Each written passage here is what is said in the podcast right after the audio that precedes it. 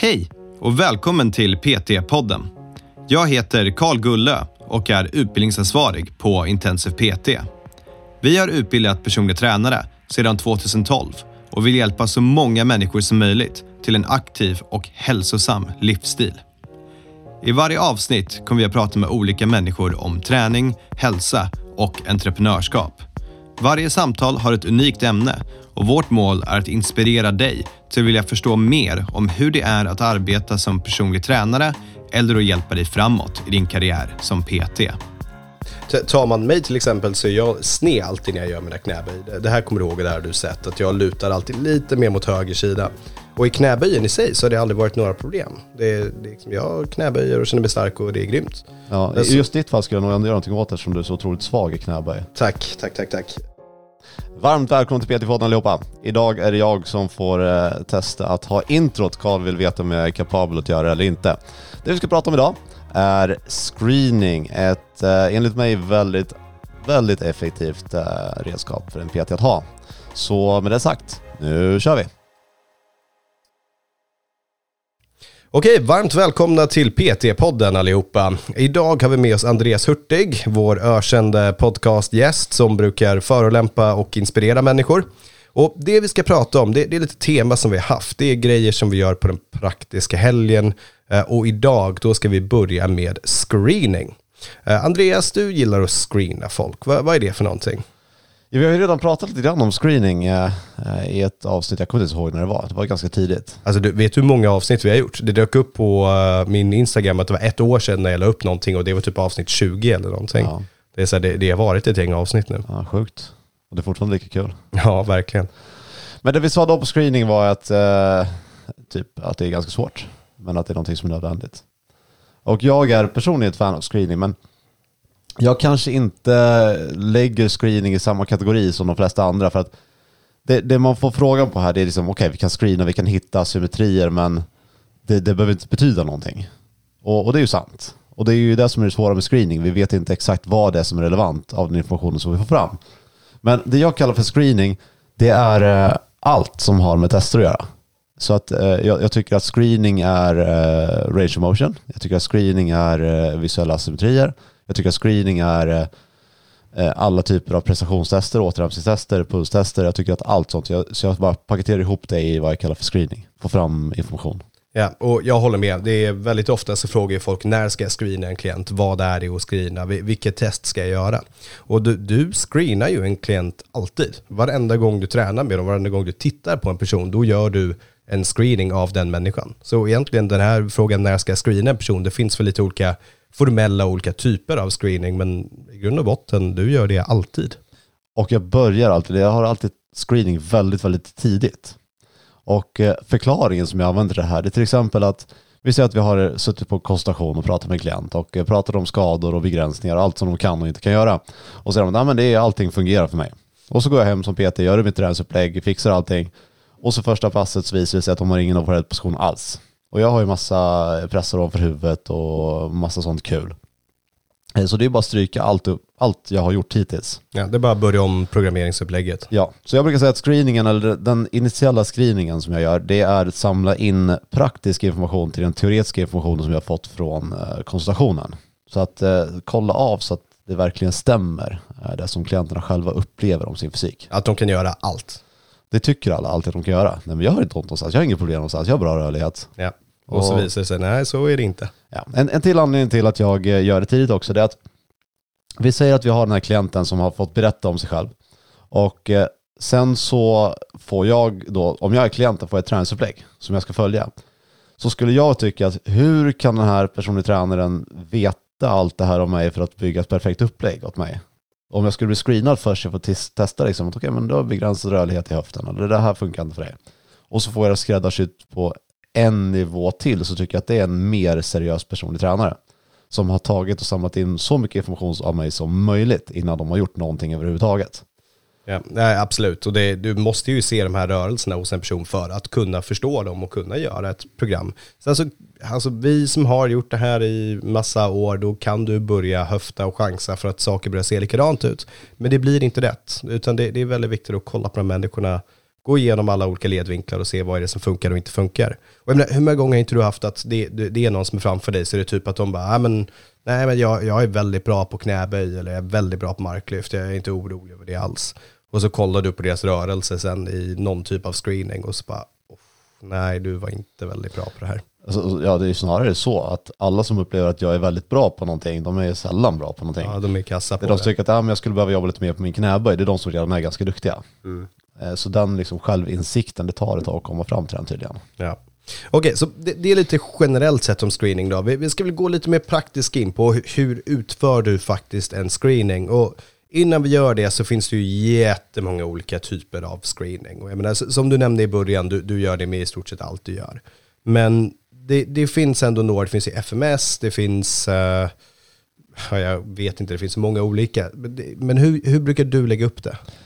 Jag lägger upp det väldigt likt så som när jag har den praktiska helgen och just screeningmomentet så, så är det väldigt likt. För att det första jag gör är att jag gör en ren visuell screening. Jag gör en, en visuell bedömning om, eh, av min klient. Och eh, allt från eh, en helhetsbild till hur ser den muskulära utvecklingen ut?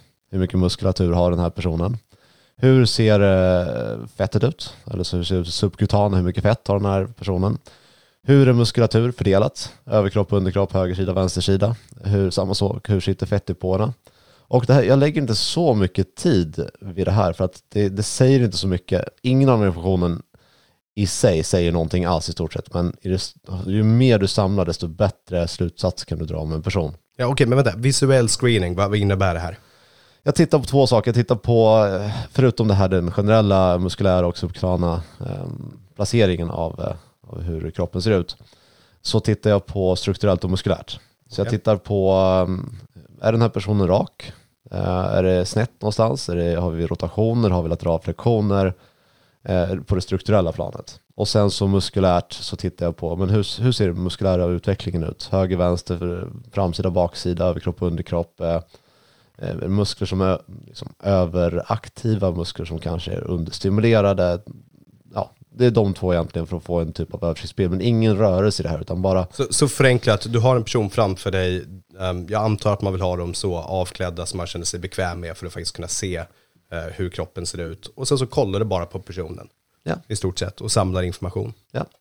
Och där spenderar jag kanske en minut på att göra. Ja, och det här är någonting jag vet, det tar ganska lång tid på helgen för man tycker det är så svårt i början att Det göra det. svårt. För man vet inte vad det är man letar efter. Nej, och sen så är det ganska marginella saker också. Men det som gör det lättare med klienterna, Eh, det är ett, att du redan har pratat med klienten i din konsultation. Så att du kanske, de kanske berättar att de har problem med knän eller axlar eller rygg. Och då kommer ju min blick automatiskt dra lite extra mot de områdena som de upplever är problematiska. Och jag kanske tittar mindre på andra saker. Har vi klient som också har berättat att de har väldigt mycket kosmetiska mål och kanske vill tävla i athletic fitness eller eh, bodybuilding eller någonting sånt här så tittar man mer på ja, det symmetriska hållet då. Men att det är inte alls lång tid. Nej, och det, det är viktigt att nämna, för det, det, det är väl det största liksom, motargumentet det här kan få, just den här delen av screeningen, vilket är, ja, men det, det är ganska marginellt. Det är inte jättemycket info du får ut. När du tar en minut och får du ut någonting värdefullt, då är det, ja, då är det det en väldigt välspenderad minut. Exakt. Lägger du ner en halvtimme på att stå och kolla på någon som är halvnaken, då gör du inte ett PT-jobb, då gör du någonting Det skulle annat. kännas väldigt konstigt för klienten också. Ja, det så tror jag. att bli tittad på i 30 minuter. Ja. Det, Eh. det, men det är så, så det är för oss när vi demonstrerar screeningen och en av oss får stå där halvnaken. Alla tittar samtidigt också. Ja. Eh, nej, och sen är det ganska små, det är så marginella saker som, eh, som skiljer, så asymmetrierna är små. Så det, det är svårt att se. Men om man har gjort det här några gånger så blir det enklare och det går snabbare. Ja. Så okej, så nummer ett, visuell screening. Bara kolla på personen, rakt upp och ner, vad sticker ut? Och man ska inte leta efter fel, det är inte det vi gör. Vi försöker bara samla in data. Ja. Vad är steg nummer två? I steg nummer två så gör jag den, eh, alltså range of motion screeningen. Okej. Och det är den här det är den som är svårast. Det, det är absolut lättast att utföra den, för det är väldigt konkret. Vi vet ju ungefär hur många graders leduttag ska finnas i leder och det är ganska lätt att se skillnad på höger och vänster. Eh, Men rent praktiskt, vad man gör åt den här informationen, det, det är det som är svårt. Ja.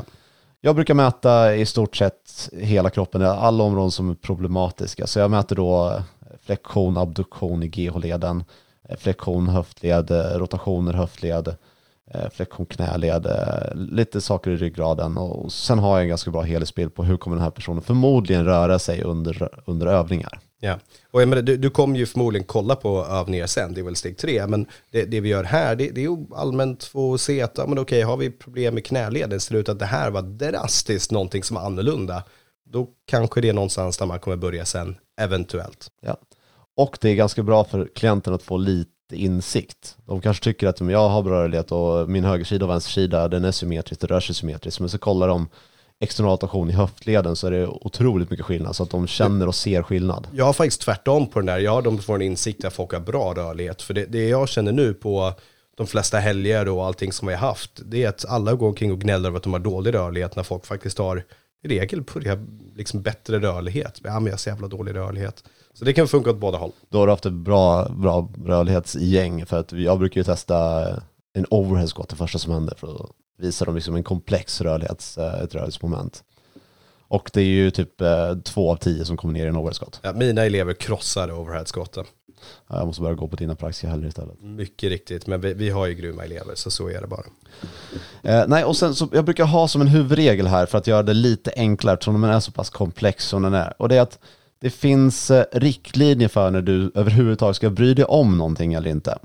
Och eh, vi säger att vi ser asymmetri, det rör sig jättekonstigt i eh, uh, högersidan, vänstersidan i rotationsmomenten i, av torson till exempel. Och eh, har du då till exempel en person som du kan hitta en förklaring till varför det skulle vara så. Vi har en hockeyspelare till exempel som skjuter åt ena hållet. Eller någon som spelar väldigt mycket golf och slår åt ena hållet. Eller någon som jobbar i ett yrke som de vrider sig åt ena hållet, som tandläkare till exempel. Eh, då har ju den här kroppen format sig. Det finns ju en mening med att den gör som den gör. Och då ska absolut inte vi hålla på att eh, justera någonting.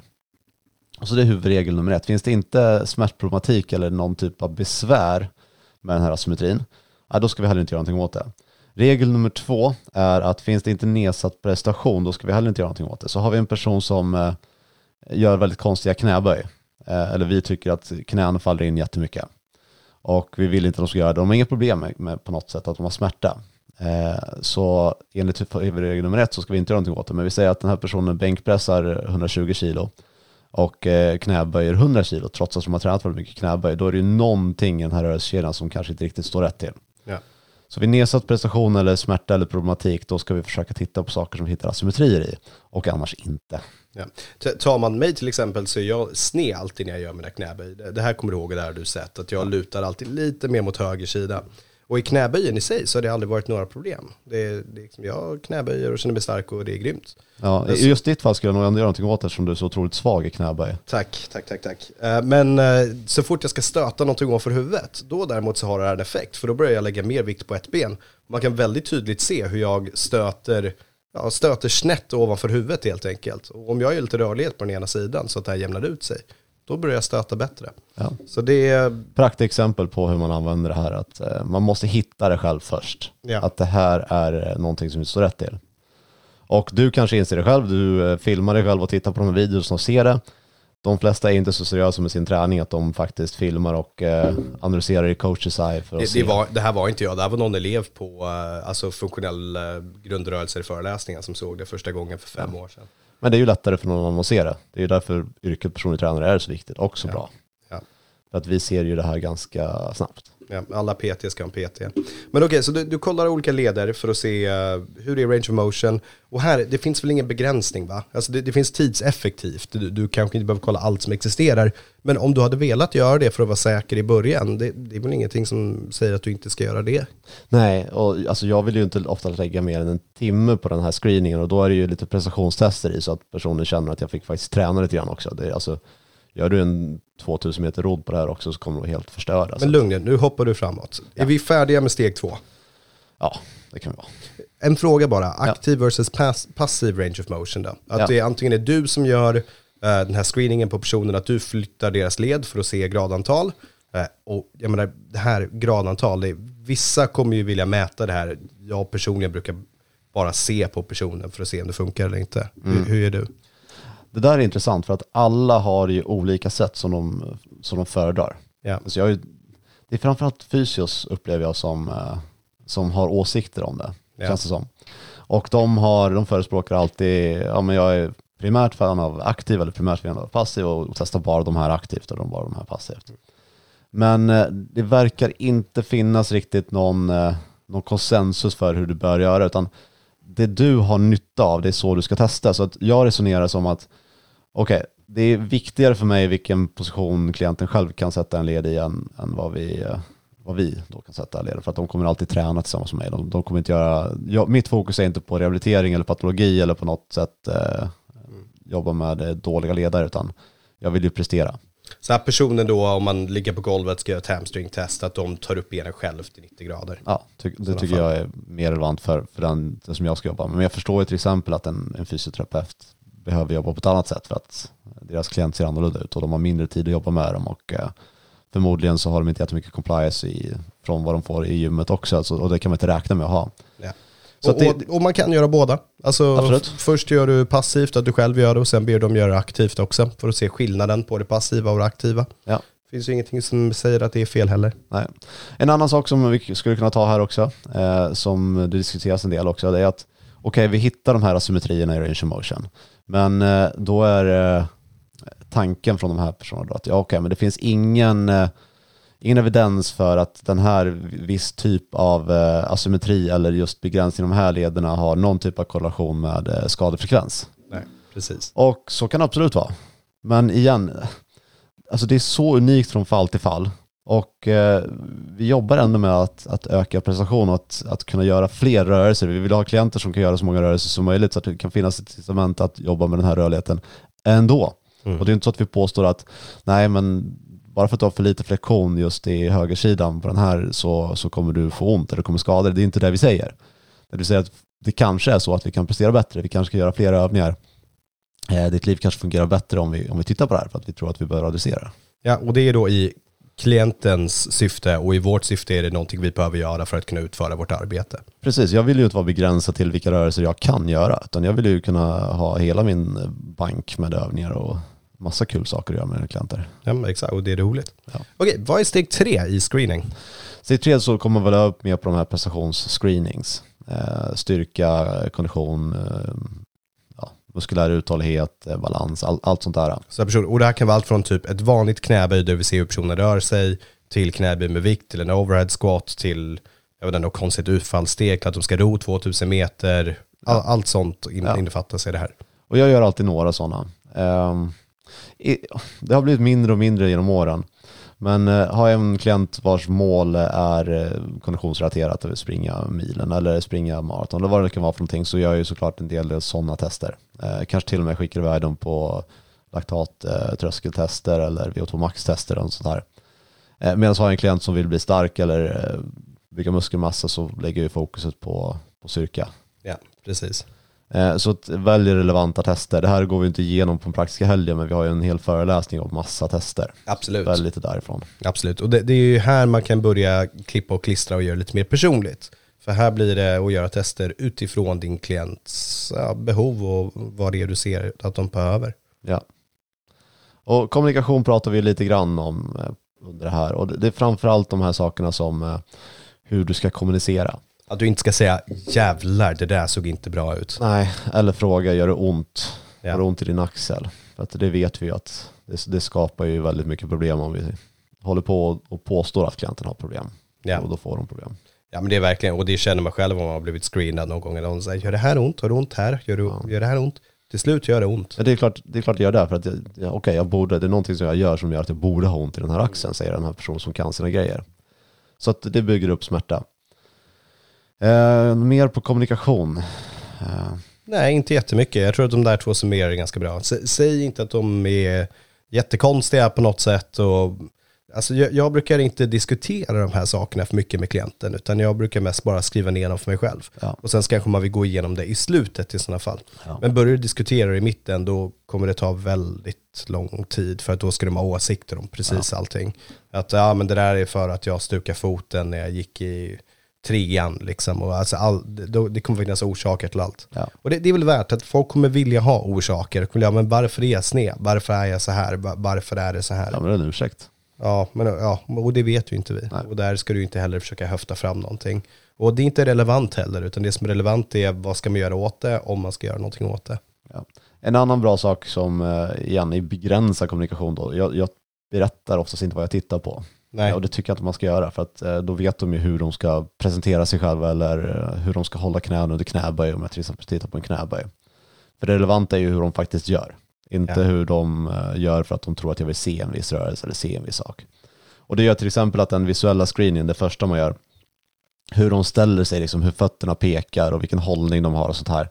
Det blir inte 100% relevant för de kommer ju försöka stå liksom fint. Ja, De kommer ställa sig rakt och fint och, och presentera sin fysik på så bra sätt som möjligt. Medan när vi står och pratar med dem mellan sätten så ser vi lite mer om hur de står och hur, de, hur deras hållning ser ut och så. Ja. Och eh, ja, hållning, när vi ändå kom in på det, det där är ju ett, ett omdebatterat ämne. Jag vill ha fin hållning. Jag vet, men när, kommer det minimera din smärta tror jag i ryggen? Inte va? Men jag kommer se snygg ut. Ja, absolut. Nej, men det här hållningskorrigerande träning, det går under samma kategori som om det inte finns smärta eller liksom problem, försök inte korrigera folks hållning. För det är ju det just bara det kosmetiska och du kanske till och med skapar problem om du försöker. Ja, och sen ser vi också lite hur, hur, vad, när. Alltså det att stärka upp muskulatur på ryggen är väl ändå troligen en bra sak för de flesta människorna. Liksom. Det är alltid bra, men det betyder inte att din kuratur på ryggen ändras. Precis, precis. Ja men du, spännande. Eh, Jag känner att det här summerar ihop screeningen ganska bra, eller hur? Ja, jag tycker det. Ja, och om du vill testa på att screena någon eller bli screenad, då vet du vad du ska göra. Det är den praktiska helgen hos Intensive PT. Där går vi igenom det här i flera timmar och övar, övar, övar. Eh, Jag har inte mycket mer att lägga till. Har du någonting Andreas? Vi nöjer oss där. Vi nöjer oss där. Hörni, tack så jättemycket för den här gången. Vi hörs. Ha det bra.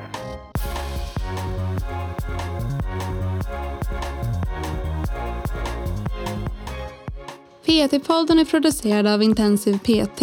Om du vill veta mer om våra utbildningar och gå med i nätverket av framtidens personliga tränare, gå in på www.intensivpt.se. Vi har kursstarter varje månad och du kan studera helt i ditt egna tempo.